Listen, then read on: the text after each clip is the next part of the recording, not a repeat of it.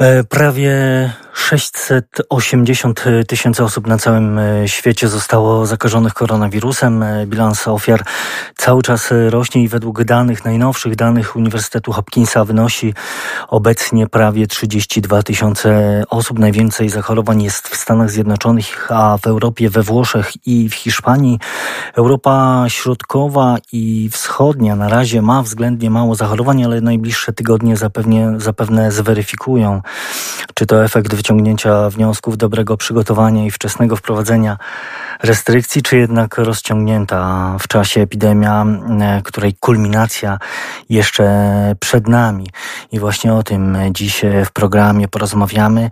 E, porozmawiamy o tym, jak Europa Wschodnia radzi sobie z koronawirusem. Przed mikrofonem Tomasz Nieśpiał, audycję realizuje Jarosław Gołowit. Zaczynamy Studio Wschodnie.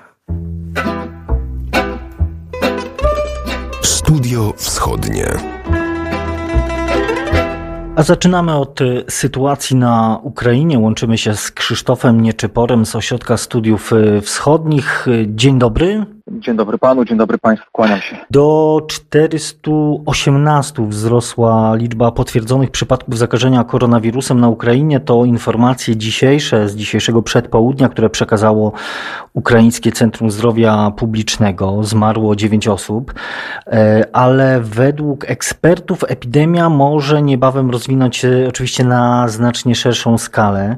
Mm, ale zacznijmy od tego, jakie są e, główne przyczyny tej sytuacji sytuacji związanej z obecnością koronawirusa na Ukrainie i z jakimi największymi problemami boryka się Ukraina w walce z koronawirusem? Tak, istnieje bardzo duże ryzyko, że epidemia może niebawem e, rozwinąć się na znacznie większą skalę, taką chociażby jak obserwowana e, we Włoszech czy Hiszpanii. I wynika to z kilku faktów. Przede wszystkim e, duże ryzyko przyrostu e, zachorowań, e, które możemy do pewnego stopnia przewidywać na Ukrainie, wiąże się z ogromną ilością osób, które obecnie wracają na Ukrainę z zagranicy. Ukraińskie władze zorganizowały taki rządowy projekt lotów czarterowych, powrotu do ojczyzny swoich rodaków i według informacji oficjalnych ukraińskich władz jest to ponad 80 tysięcy osób, które wróciły tylko w zeszłym tygodniu. No ale to wydaje się, że to jest jedynie wierzchołek y, góry lodowej, ponieważ w większości osoby, które wracają y, do kraju, do Ukra na Ukrainę, no, robią to na własną rękę, tańszymi rozwiązaniami komunikacyjnymi z krajów blisko położonych, jak na przykład z Polski. No, wracają pieszo lub własnym samochodem. No widzimy też, co się dzieje na przejściach właśnie polsko-ukraińskich. Dlatego można spokojnie szacować, że wróciło zapewne kilkaset tysięcy Ukraińców. Daleko nie koniec tej imigracji, ponieważ wraz z rozwojem e, oczekiwanego kryzysu gospodarczego w Europie, a warto podkreślić, że przecież Ukraińcy pracują w tych obszarach działalności gospodarczej, jak na przykład usługi czy prace budowlane, które według wszelkiego prawdopodobieństwa będą pierwszymi ofiarami spodziewanego kryzysu gospodarczego w Europie, a zatem ta liczba osób, które zdecyduje się na powrót do ojczyzny, do, mm, wśród Ukraińców, będzie tylko rosła. Między innymi również dlatego, że na granicy są y, no, bardzo ograniczone możliwości y, sprawdzania tych osób, ich przebadania. One sprowadzają się praktycznie do sprawdzenia temperatury tych osób. Zresztą jak informuje sama służba graniczna y, Ukrainy, w komunikacie sprzed kilku dni. Oni są świadomi tego faktu, że osoby ukrywają swój stan zdrowia z tego po prostu faktu, że osoby po kilkudniowej tułaczce e, po Europie do granicy z Ukrainą woleliby nie zostać skierowanymi do szpitala na, na dwutygodniową kwarantannę, a po prostu e, wrócić do swoich bliskich, do domu. No i e, też to trzeba podkreślić, że Ukraina nie jest ani organizacyjnie, ani finansowo przygotowana na napływ takiej dużej ilości swoich własnych obywateli. To prawdopodobnie będzie również skutkowało E, wzrostem ilości zachorowań e, na Ukrainie. Innymi czynnikami, które należy podkreślić, to są również błędy komunikacyjne ukraińskich władz. E, to, co obserwujemy obecnie na granicy ukraińsko-polskiej w Chrebennem czy, czy w Dorochusku, to kilkutysięczne kolejki do przejść są efektem błędów komunikacyjnych przede wszystkim ukraińskiego prezydenta, który stwierdził e, kilka, e, czy czwartek wieczorem w swoim oświadczeniu transmitowanym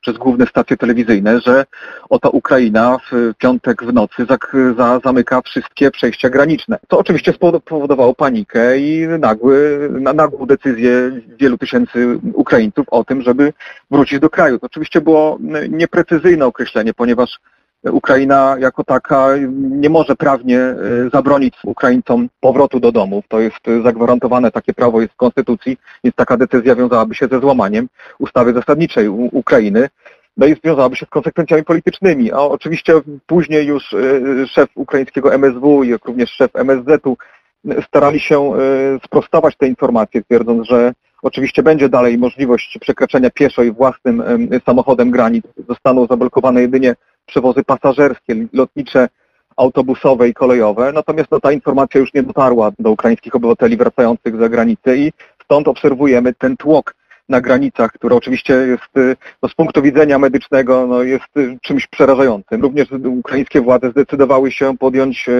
decyzję o o zamknięciu linii metra, co również spowodowało tylko... Kijów, e, Charków... I Dniepr, tak. Trzy największe miasta Ukrainy zostały pozbawione komunikacji e, podziemnej, co skutkowało tym, że ludzie decydowali się i tłoczyli się w naziemnych środkach transportów, co również no, mogło przyczyniać się do wzajemnego zakażenia się e, wirusem COVID-19. Tak więc to są pewne błędy komunikacyjne i organizacyjne ukraińskich władz, które do tego mogą przyczyniać się do nagłego wzrostu zachorowań. A czyli ich, one są spowodowane małym doświadczeniem także politycznym, organizacyjnym ekipy prezydenta Zełęńskiego, ale także, co, co, co ważne, y, przecież na początku marca zmienił się premier, zmienił się rząd na Ukrainie.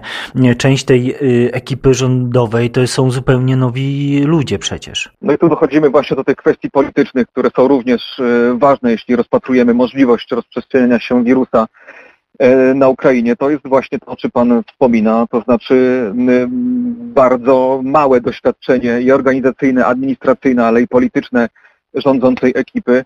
E, no nie mówiąc o samym prezydencie, który przecież sprawuje swój urząd zaledwie 9 chyba miesięcy od maja zeszłego roku. E, w związku z tym lider polityczny Ukrainy nie ma wystarczającego doświadczenia politycznego. Przypomnijmy, że wcześniej był e, zaledwie aktorem i biznesmenem. E, to nie, nie, nie predestynuje go jakby do prowadzenia administracji państwowej w sytuacji takiego kryzysu, jakim jest właśnie stan epi, epidemiologiczny. Wspomniał Pan o, o, o, nowym, o nowym rządzie. No, rzeczywiście trzy tygodnie temu doszło do rekonstrukcji rządu. No, powołano nowego premiera, który również jest osobą niedoświadczoną politycznie. Denis Szmychal jest osobą, która do tej pory sprawowała właściwie kierownicze, prawda, kierownicze, ale na średnim szczeblu e, działalności gospodarczej funkcje. Był dyrektorem jednej z największych elektrociepłowni na Ukrainie, no ale jako żywo to nie jest, to nie są kompetencje do sprawowania administracji w kraju pogrążonym w kryzysie gospodarczym. Trudno będzie w związku z tym oczekiwać, żeby ta ekipa mogła sprostać takim, takim wyzwaniom.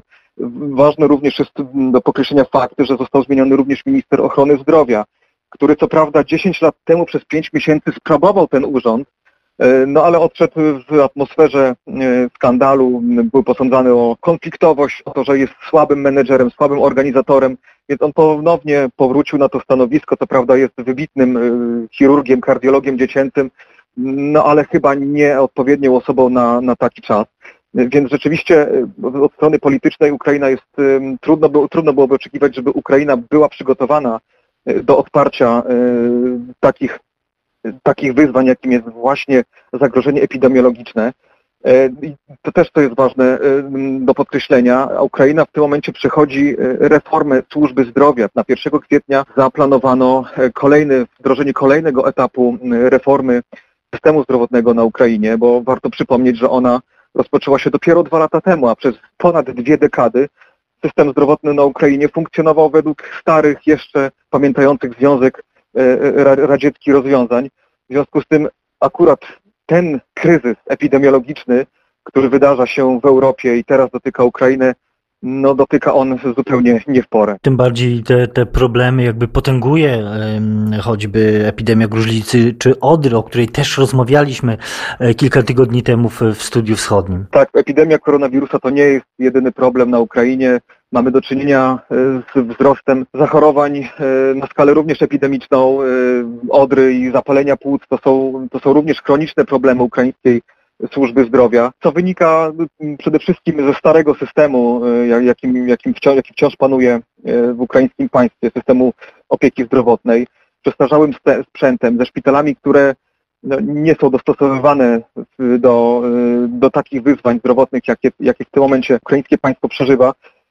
Wiąże się to również ze sporami kompetencyjnymi, z pewnym bałaganem administracyjnym na Ukrainie, który związany jest między, między innymi z rynkiem zakupów leków. Tam są no, bardzo dość, dość skomplikowane, ale dotyczące ukraińskie państwo od wielu lat problemy kompetencji pomiędzy tymi różnymi grupami biznesowymi, które starają się wpływać na decyzje odnośnie e, zakupów leków, szczepionek, które również no, doprowadziły do, do poważnego kryzysu ukraińskiej służby zdrowia. E, więc tych, tych problemów, z którymi boryka się Ukraina jest bardzo duża i właśnie w tym momencie uderza w nie e, koronawirus, który no, przewidujemy, że będzie miał swoje bardzo negatywne skutki, zarówno w sensie gospodarczym, w sensie politycznym, E, w związku z czym no, należy, należy oczekiwać, że sytuacja na Ukrainie będzie się, e, będzie się rozwijać raczej w stronę negatywnego scenariusza. To jeszcze chciałem zapytać o jeden wątek. Jak wygląda sytuacja na wschodzie Ukrainy? No bo wiemy też, że, że przynajmniej tak e, wynika z tych oficjalnych przekazów władz Donieckiej i Ługańskiej Republiki Ludowej, że tam nie odnotowano oficjalnie żadnego przypadku koronawirusa, tylko Problem polega na tym, że tam nikt y, testów y, nie wykonuje. Zresztą, jeśli chodzi o wykonywanie testów, y, mm, no to też jeśli chodzi o całą Ukrainę, nie jest tym najlepiej, więc też wiarygodność tych, tych informacji, które teraz napływają, chyba stoi pod znakiem zapytania. Według oficjalny, oficjalnego komunikatu władz samozwańczej pseudorepubliki nie zanotowano do tej pory żadnego przypadku zachorowania na koronawirusa. Tam ludzie chorują oficjalnie na zapalenie płuc, przynajmniej zgłaszają się. A no więc właśnie, te organizacje pozarządowe działające na, terenie, y, na terenach okupowanych y, przez prorosyjskie wojska komunikują informacje na temat wzrostu i to nagłego wzrostu zachorowań na, na, na, na mm, odrę i na również na ostre zapalenie płuc. Y, symptomy tych obu chorób są bardzo podobne do tego, co obserwujemy wśród osób, które są zakażone koronawirusem. W związku z tym istnieje podejrzenie, że te osoby, które są diagnozowane jako właśnie y, osoby, które mm, zachorowały na te choroby, mogą być tak naprawdę skutkami ofiar koronawirusa i działania y, separatystycznych władz polegają na tym, ażeby zakryć, ukryć ten, y, ten fakt, dlatego, dlatego komunikują o zachorowaniach na te właśnie dolegliwości. I stąd jest podejrzenie, że y, no zresztą to wynika również z pewnego ciągu logicznego, to znaczy do, do końca zeszłego tygodnia nie były w żaden sposób zablokowane ani granice ani z, z częścią ukraińskiego państwa kontrolowanego przez Kijów, ani z, z, z granicą z Rosją. W związku z tym przepływ, przepływ ludzi, a mówimy tutaj o 10 tysiącach ludzi codziennie przekraczających granicę na, y, na, na wschodzie Ukrainy. Mówię o granicy, ale chodzi oczywiście o tak zwaną linię rozgraniczenia pomiędzy y, kontynentalną, pomiędzy częścią ukraińską kontrolowaną przez Kijów, a tą kontrolowaną przez separatystów. W związku z tym jest duże prawdopodobieństwo, że wśród tych osób powracających między innymi z zagranicy, więc tymi, którzy, o których rozmawialiśmy na początku rozmowy, są również te osoby, które są zakażone wirusem i też one nie są badane, ponieważ nie znamy tak naprawdę, czy w ogóle władze w Doniecku i Ługańsku posiadają odpowiedni sprzęt do badań, do testowania i wykrywania e, choroby koronawirusa. W związku z tym e, jest zagadką i możemy, jest, zagadką, jaki jest stan zachorowań e, na wschodzie Ukrainy. No i możemy podejrzewać, że raczej władze ukrywają rzeczywisty, rzeczywisty stan w tym zakresie. Krzysztof Nieczypor z Ośrodka Studiów Wschodnich był gościem Studia Wschodniego. Bardzo dziękuję za rozmowę. Dziękuję, kłaniam się. W studiu wschodnim łączymy się teraz z doktorem Andrzejem Szabaciukiem z Katedry Teorii, Polityki i Studiów Wschodnich Katolickiego Uniwersytetu Lubelskiego, a także z Instytutu Europy Środkowej w Lublinie. Dzień dobry, czy się słyszymy? Dzień dobry, kłaniam się nisko, Trzebaciuk. E, panie doktorze, Rosja od jutra całkowicie zamknie granice w związku z koronawirusem. Wstrzymany zostanie ruch przez przejścia graniczne, samochodowe, kolejowe, piesze, rzeczne. E, te najnowsze informacje e, z dzisiaj są takie, że liczba zakażonych koronawirusem przekroczyła 1500 osób, ale ja rozmowę chciałbym zacząć od tego, co poprzedzało wystąpienie koronawirusa w Rosji, bo e, jak pan pisze w komentarzu opublikowanym na stronie Instytutu Europy Środkowej, pandemia została wykorzystana przez część kontrolowanych przez władze na Kremlu mediów do szerzenia paniki i dezinformacji na temat przyczyn i skutków pandemii. Mm, działania te podejmowano przede wszystkim od połowy stycznia do połowy marca, mm, kiedy no, doszło do tego, że już oficjalna liczba e, osób zakażonych wirusem zaczęła w Rosji szybko rosnąć. I chciałem zapytać, y, y, skąd te działania Rosji? Jaki ich był cel? Myślę, że Rosja przede wszystkim chciała pokazać, że jest państwem silnym, jest państwem, które kontroluje sytuację, a sam prezydent Władimir Putin, który, jak wiemy teraz, mierzy się z takim problemem, że spada, spada jego oparcie społeczne, co jest konsekwencją sytuacji gospodarczej, ale też pewnego znużenia obecną ekipą władzy. Prezydent Putin chciał pokazać, że w przeciwieństwie do państw demokratycznych, takie państwa z silną, scentralizowaną władzą, yy, która skupia się w jednym praktycznie ręku, one sobie potrafią poradzić lepiej yy, w tych trudnych, nadzwyczajnych sytuacjach, jaką niewątpliwie jest epidemia koronawirusa. I e, aparat propagandowy rosyjski uderzał przede wszystkim w Unię Europejską, w Stany Zjednoczone, pokazując, e, że globalizacja, że liberalizm, że to one sprzyjają właśnie szerzeniu się e, otwartość, że to one sprzyjają szerzeniu się koronawirusa. Pojawiały też się głosy na przykład takie, że sam wirus powstał w laboratoriach amerykańskich czy brytyjskich, łotewskich, a nawet takie kuriozalne, jak wiemy, twierdzenia, że to białoruska opozycja stworzyła owego wirusa. W ten sposób chciano uderzyć w wrogów politycznych i kreować obraz, jak już powiedziałem, Rosji jako państwa e, silnego, scentralizowanego, kontrolującego sytuację. A jednocześnie takiego, który szuka tego e, wroga na zewnątrz, co zresztą tak, wpisuje tak. się w całościową już od wielu, wielu lat politykę Kremla. Tak, ona uderzyła też w Polskę, jak dobrze wiemy, bo pojawiły się te oskarżenia adresem naszego rządu, że nasz rząd zabronił e, nie zgodzić na przelot samolotów z pomocą e, dla, e, przeznaczoną dla Włoch. I dlatego Rosjanie rzekomo musieli ominąć Polskę i Ukrainę i dłuższą drogą e, lecieć do Włoch. Wiemy, że to jest nieprawda, ale wiemy też, w samych Włoszech pojawiły się dość takie, można powiedzieć, mieszane, e, e, mieszane komentarze. Część, między innymi Stampa opublikowała taki artykuł, gdzie gdzie stwierdzono, że większość tych materiałów, które przywieziono z Rosji, w częściowo pustych samolotach, dodajmy jeszcze, że one są po prostu nieprzydatne, e, że gdyby nie, nie, e, nie sprawdzili, co jest konkretnie potrzebne w tym momencie, oczywiście to wywołało zaraz reakcję ambasady rosyjskiej, ale to pokazuje też, że Rosjanie próbują nawet w sytuacji, kiedy, kiedy pan już powiedział, epidemia koronawirusa wybuchła faktycznie w Rosji, bo y, poziom y, y, zakażenia ilość zakażonych w Rosji jest podobna jak w Polsce, a dodajmy, że ten, ta liczba narastała trochę później, czyli ten, ten, ten, ta epidemia zaczęła się robić trochę później. Więc jeżeli ta dynamika się utrzyma, to w ciągu kilku dni liczba zakażonych w Rosji gwałtownie zwiększy się, co jest bardzo niepokojące, no bo to jest nasz też sąsiad.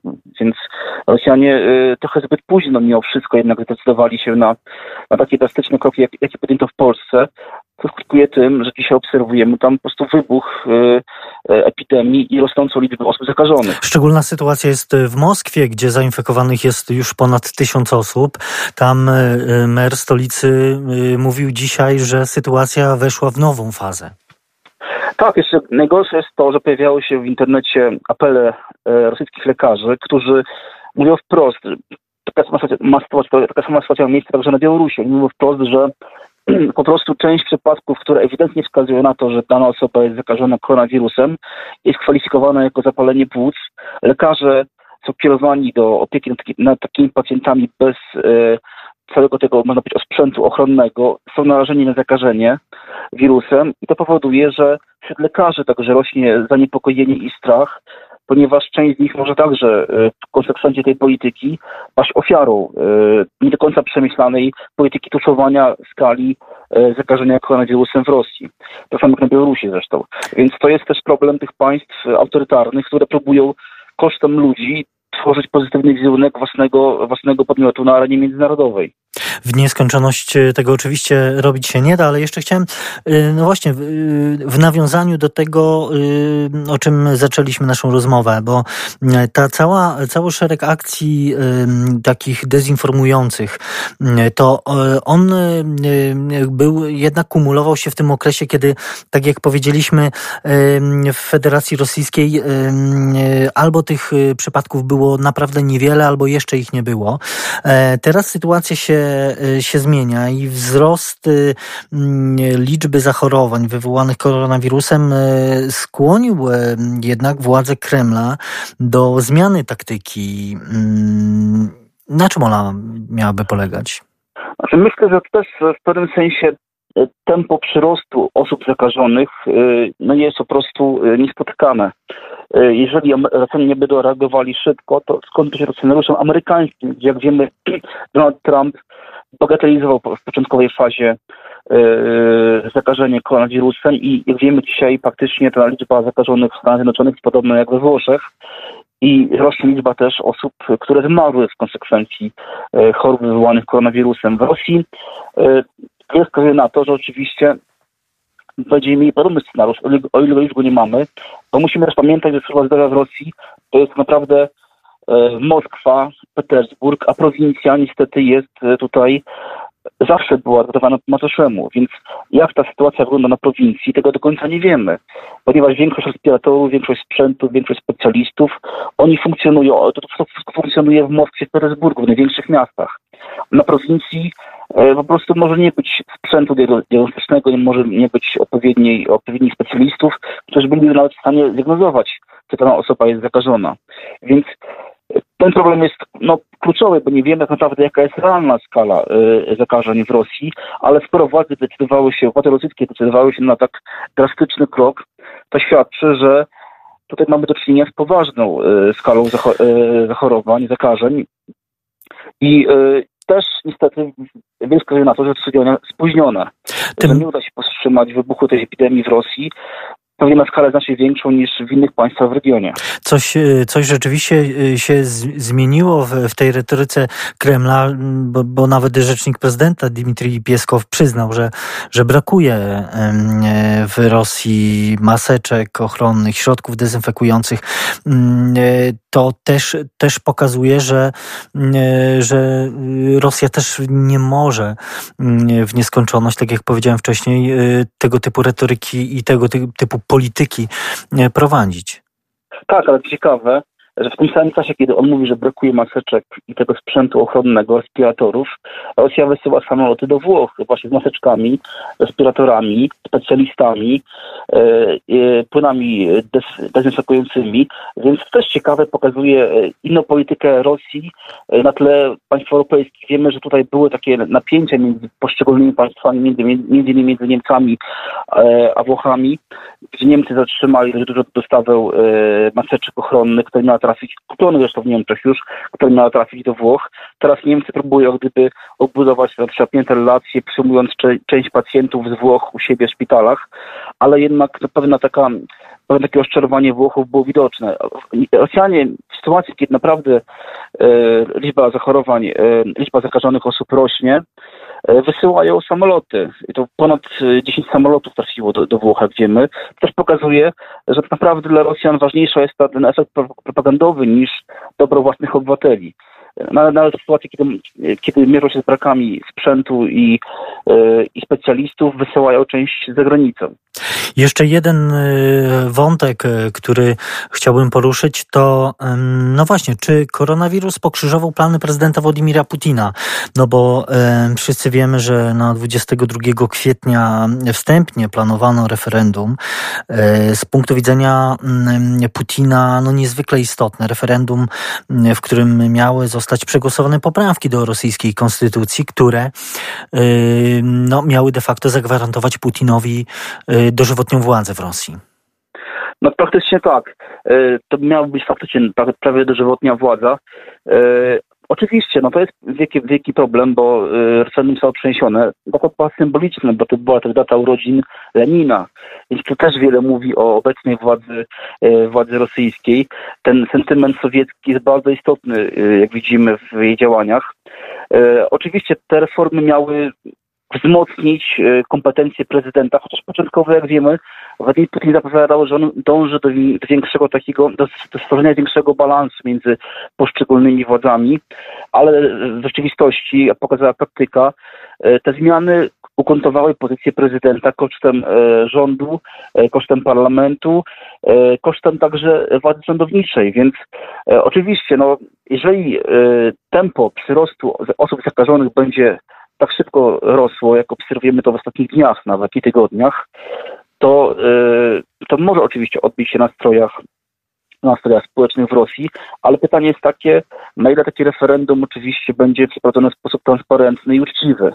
Więc e, ja nie do końca wierzę w to, że w Rosji możliwe są e, w pełni uczciwe, w pełni transparentne wybory czy referenda, więc Władimir Putin nie, nie, pozwoli na to, żeby utracić władzę. I jak pokazały to ostatnie miesiące i te cała dyskusja wokół reform konstytucyjnych, a można powiedzieć otoczka taka ta, ta twarz, którą sobie dorabiać Putin, osoby takiej liberalnej, otwartej na, na budowanie takiego bardziej systemu zrównoważonego, w efekcie okazała się czystą fikcją, ponieważ Putin tak naprawdę dąży wyraźnie do wzmocnienia swojej władzy e, i praktycznie skupienia całości władzy w Rosji e, e, w swoim ręku. I władzy sądowniczej, bo te poprawki gwarantują możliwość prezydentowi odwoływania członków prezesów, ale też członków Sądu Najwyższego, Sądu Konstytucyjnego. Też jest jakaś kuriozalna sytuacja, ponieważ prezydent sprawuje nadzór nad częścią rządu. Między innymi resorty siłowe będą w ręku, w ręku prezydenta, co jest jakimś kuriozalnym rozwiązaniem w skali e, ogólnoświatowej, można powiedzieć wręcz. Nie? E, tutaj tych szereg zmian jest całkowicie niewytłumaczalnych. I, e, nie, Pytanie nie też, czy, czy, czy w dobie jednak e, tego e, kryzysu, mm, e, no właśnie to, to pokazanie silnego przywódz, przywództwa nie, nie będzie działało na korzyść Putina w tej sytuacji. To prawda, to ma pan rację oczywiście, ale jak wiemy z historii Rosji, z reguły ci przywódcy, którzy nie potrafili sobie radzić z bieżącymi wyzwaniami, tacy jak Chruszczow na przykład, tacy jak Jelcyn, oni najczęściej odchodzili w niesławie. Więc zobaczymy, jakim będzie testem dla Władimira Putina właśnie, e, jakim będzie testem ta pandemia koronawirusa w Rosji. Bo jak sam pan powiedział, dzisiaj mamy już ponad, oficjalnie ponad 1500 osób e, zakażonych. E, oczywiście ta skala może być jeszcze większa. W Polsce jest niewiele więcej osób zakażonych, tak? Więc to pokazuje, ale ten przyrost był znacznie niższy. Tutaj w ciągu kilku dni dosłownie kilkuset do ponad tysiąca osób e, liczba zakażonych wzrosła. To pokazuje, że Rosjanie nie kontrolują, nie kontrolują te, e, przyrostu osób zakażonych i, na, i najprawdopodobniej w przyszłości nie będą w stanie opanować tej epidemii. Więc e, jak to się odbije na strojach społecznych? Wiemy już dzisiaj, że że, że partie społeczne przed jeszcze epidemią koronawirusa e, prezydenta Putina to było około 60%. E, e, prawdopodobnie na skutek tej epidemii ono zmaleje, więc zobaczymy, jakie władze zastosują środki, żeby utrzymać tą y, dominację w systemie politycznym. Putina oczywiście. I, Ale i... nie wydaje mi się, że Putin y, dobrowolnie oddał władzę, którą sprawuje w już praktycznie 20 lat. Te najbliższe tygodnie i miesiące zapewne też e, pokażą, pokażą jak sytuacja się będzie rozwijała i, i jaka będzie mm, pozycja i poparcie społeczne dla prezydenta Władimira Putina. A tymczasem bardzo dziękuję za mm, dzisiejszą rozmowę. Dr Andrzej Szabaciuk z Katedry Teorii, Teorii Polityki i Studiów Wschodnich KUL oraz z Instytutu Europy Środkowej w Lublinie był gościem Studia Wschodniego. Bardzo dziękuję. Dziękuję serdecznie i życzę wszystkim Państwu dużo zdrowia. W wschodnim e, łączymy się z naszym e, kolejnym gościem, dr Aleksandrą Kuczyńską e, Zonik, kierownikiem zespołu Bałtyckiego Instytutu Europy Środkowej w Lublinie. Dzień dobry. Dzień dobry panu, dzień dobry państwu. Pani doktor, jak e, z koronawirusem radzą sobie kraje e, bałtyckie? Rozmawiamy o tej trudnej sytuacji, porównujemy e, poszczególne państwa Europy Wschodniej. Sytuacja państw bałtyckich no, jest też o tyle szczególna, że to są niewielkie kraje, prawda? Tak, pierwsze przypadki koronawirusa zostały zdiagnozowane pod koniec lutego, to znaczy w Estonii 27 lutego na y, Litwie 28, a na Łotwie 2 marca. Początkowo były to osoby, które wróciły z państw, które już zostały dotknięte zarażeniem, natomiast już w chwili obecnej rozprzestrzenia się zarażenie bardzo szybko. Początkowo państwa również podjęły takie procedury podobne jak w Polsce, to znaczy informowano, e, zalecano e, ograniczenie wyjazdów, bądź dla osób, które już wróciły, mm, wprowadzono konieczność kwarantanny. Natomiast e, już w chwili obecnej państwa te wprowadziły stany wyjątkowe, także też, też są ograniczone możliwości to są, to są te, te działania, które mm, y, można powiedzieć, one są podobne chociażby do tych, które wprowadzono w, w Polsce. Y, chciałbym, y, no właśnie, porozmawiać chwileczkę o Estonii, bo to jest kraj mały, ale jak też popatrzymy na, na współczynnik zachorowań na milion mieszkańców, no to, no to chociażby tak porównując to z Polską, to jest dużo, do, dużo wyższy wskaźnik. Jak ten kraj sobie, sobie radzi z, no, ze statystycznie e, wysoką zachorowalnością? Mm, myślę, że mm, tą wysoką, stosunkowo wysoką liczbę należy widzieć, e, jakby należy, należy tłumaczyć z dwóch powodów. Po pierwsze, e, w Estonii, tak jak wspomniałam, wcześniej wykryto pierwsze zarażenie E, pod koniec lutego e, i, i wiadomo, ta liczba wzrastała szybciej niż w innych państwach. E, natomiast też warto zwrócić uwagę, że Estonia wykonuje dużo więcej testów niż inne państwa, więc stopień wykrywalności jest stosunkowo wyższy.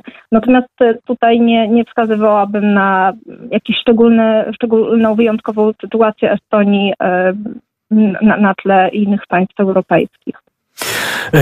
Jeśli chodzi o, o, sposoby radzenia sobie z epidemią, to tak jak powiedzieliśmy, i właściwie to jest cecha wspólna wszystkich y, państw. Oczywiście one sobie radzą y, różnie. Natomiast y, mm, jeśli chodzi o Estonię, no to koronawirus i, i próba jemu, jego przeciwdziałania, przeciwdziałania jemu wywołała, można powiedzieć, pewne napięcie na, na linii polsko-estońskie.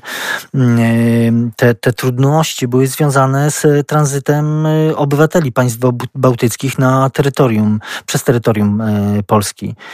Z, z tak, czego?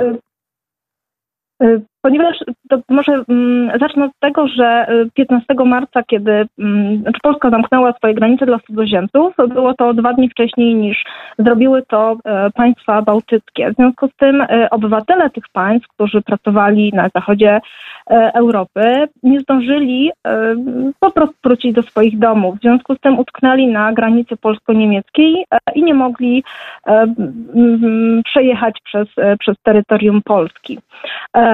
W związku z tym e, również 15 e, marca władze Polski i państw bałtyckich podpisały porozumienie o tak zwanym konwoju humanitarnym, e, który miał polegać na bezpiecznym przejeździe obywateli Litwy, Łotwy i Estonii przez Polskę.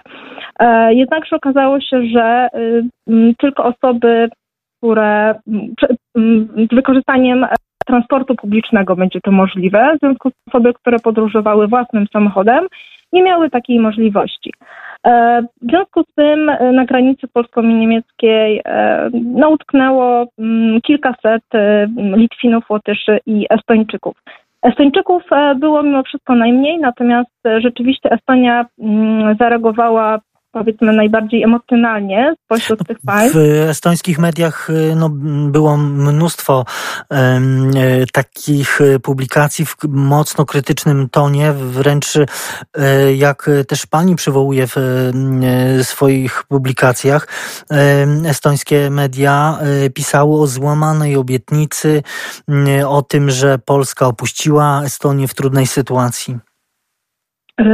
Tak, y, w związku z tym, y, w związku z tym Estonia musiała podjąć specjalne działania, żeby zagwarantować swoim obywatelom powrót do państwa. Między innymi tutaj wysłano specjalny prom do portu niemieckiego, żeby zabrał obywateli którzy właśnie bezpiecznie wrócili do domu. Natomiast rzeczywiście ten, mm, jakby ta rysa na stosunkach polsko-niemieckich, polsko-estońskich pozostała. E, w, w polskich mediach właściwie ten problem nie był szczególnie dyskutowany, natomiast w Estonie rzeczywiście mm, szeroko, w prasie szeroko o tym pisano. E, I to nie tylko w kontekście stosunków polsko-estońskich, e, ale w kontekście ogólnie bezpieczeństwa. To znaczy pojawił się problem. Właściwie zostawiano takie pytanie, co będzie w w, jeżeli wybuchnie jakiś konflikt militarny, w jaki sposób e, oddziały NATO czy, czy mm, pomoc będzie się przemieszczać w razie mm, takiego konfliktu. No właśnie, bo, trzeba powiedzieć, że, że choćby NATO e, i wojska NATO e, są przecież gwarantem bezpieczeństwa państw bałtyckich de facto, bo, bo ich zdolności militarne, wojskowe są właściwie, można powiedzieć, żadne w porównaniu z sojusznikami. Tak, w związku z tym pojawił się problem, jeżeli państwa zamykają swoje granice, nie, nie ma możliwości tranzytu, to co e, z bezpieczeństwem w takim właśnie twardym rozumieniu? Czy mm, ta trudna sytuacja, y, no właśnie, czy, czy, czy jakieś y, mm, pozytywne mm, kroki, pozytywne efekty tego, no nazwijmy to przesilenia pewnego, pewnego e, krótkotrwałego jednak konfliktu będzie można e, wypracować, czy, czy, czy one już y, jakieś, jakieś takie sytuacje się zawiązały, żeby, żeby uniknąć w przyszłości tego typu problemów? Myślę, że tutaj rzeczywiście każde państwo podejmuje suwerenne decyzje i oczywiście jest sytuacja bardzo poważna w związku z tym e, no, czasami takie trudne sytuacje konfliktowe się zdarzają. E, problem polegał na tym, że żadne z państw właściwie na, na poziomie czy krajowym, czy unijnym nie było wypracowanych e, specjalnych procedur czy mechanizmów, jak działać, jak współdziałać w takich sytuacjach. W związku z tym myślę, że tutaj należy widzieć e, właśnie taki, takie pole do, do działań wspólnych między Polską, państwami bałtyckimi, ale już tutaj szeroko też e, na poziomie unijnym, żeby, żeby wypracowywać e, takie mechanizmy umożliwiające czy tranzyt, współpracę, dzielenie się też wspólnymi doświadczeniami, w związku z tym, żeby właśnie takie problemy się nie, nie pojawiły e, w przyszłości. Natomiast nie myślę, e, że w jakiś e, większy sposób to wpłynie na stosunki polsko-estońskie, ponieważ tak jak Pan wskazał, tutaj mm, na, na wielu polach Polska współpracuje z Estonią, Litwą czy Łotwą. E, między innymi właśnie na, na płaszczyźnie militarnej. Polska gwarant, jest gwarantem e, bezpieczeństwa, więc myślę, że ta skala współpracy jest na tyle duża, że E, że państwa mm, tutaj mm, jakby ta, ten chwilowy problem nie przysłoni dalszej współpracy. Oby tak się rzeczywiście działo. Do tych relacji także y, będziemy wracać. Miejmy nadzieję y, nie tylko w związku z epidemią koronawirusa. E, tymczasem bardzo dziękuję za rozmowę dr Aleksandra Kuczyńska-Zonik, kierownik Zespołu Bałtyckiego Instytutu Europy Środkowej, była gościem Studia Wschodniego. Bardzo dziękuję. Dziękuję bardzo.